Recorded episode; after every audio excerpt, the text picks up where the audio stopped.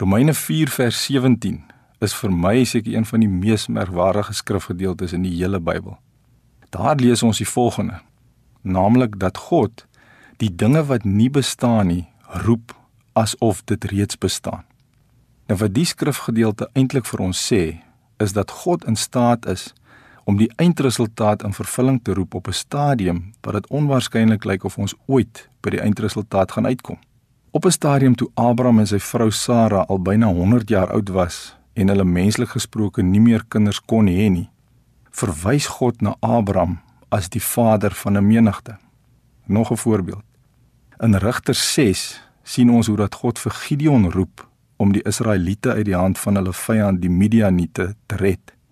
Gideon voel egter heeltemal minderwaardig en onbekwaam vir hierdie taak en hy kla by die Here dat hy uit Manasse, kleinste stam van Israel, afkomstig is en hy kla dat sy familie die armste familie in daardie stam is en boonop dat hy van al die kinders in daardie familie die minste aansien het.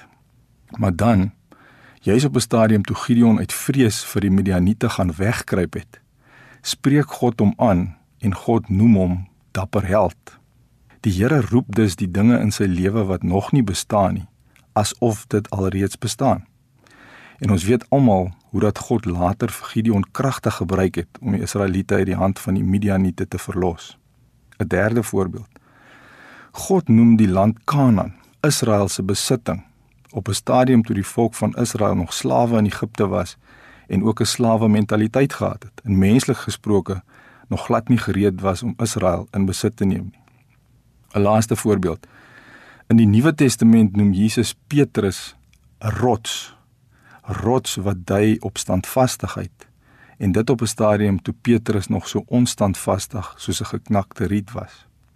Die belangrike ding om raak te sien is dit. Afgesien van hoe swak, hulpeloos en onbeholpe ek en jy op die oomblik mag voel, God staar hom nie blind teen die tekortkominge en swakhede wat my en jou heidaglik nog beperk nie. Hy sien net potensiaal in ons raak.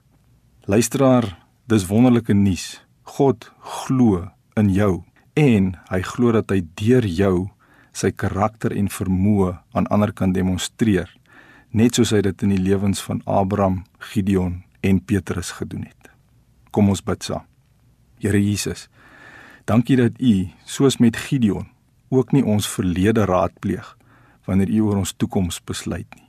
Kom en demonstreer U karakter en vermoë deur ons in hierdie dag. In Jesus naam. Amen.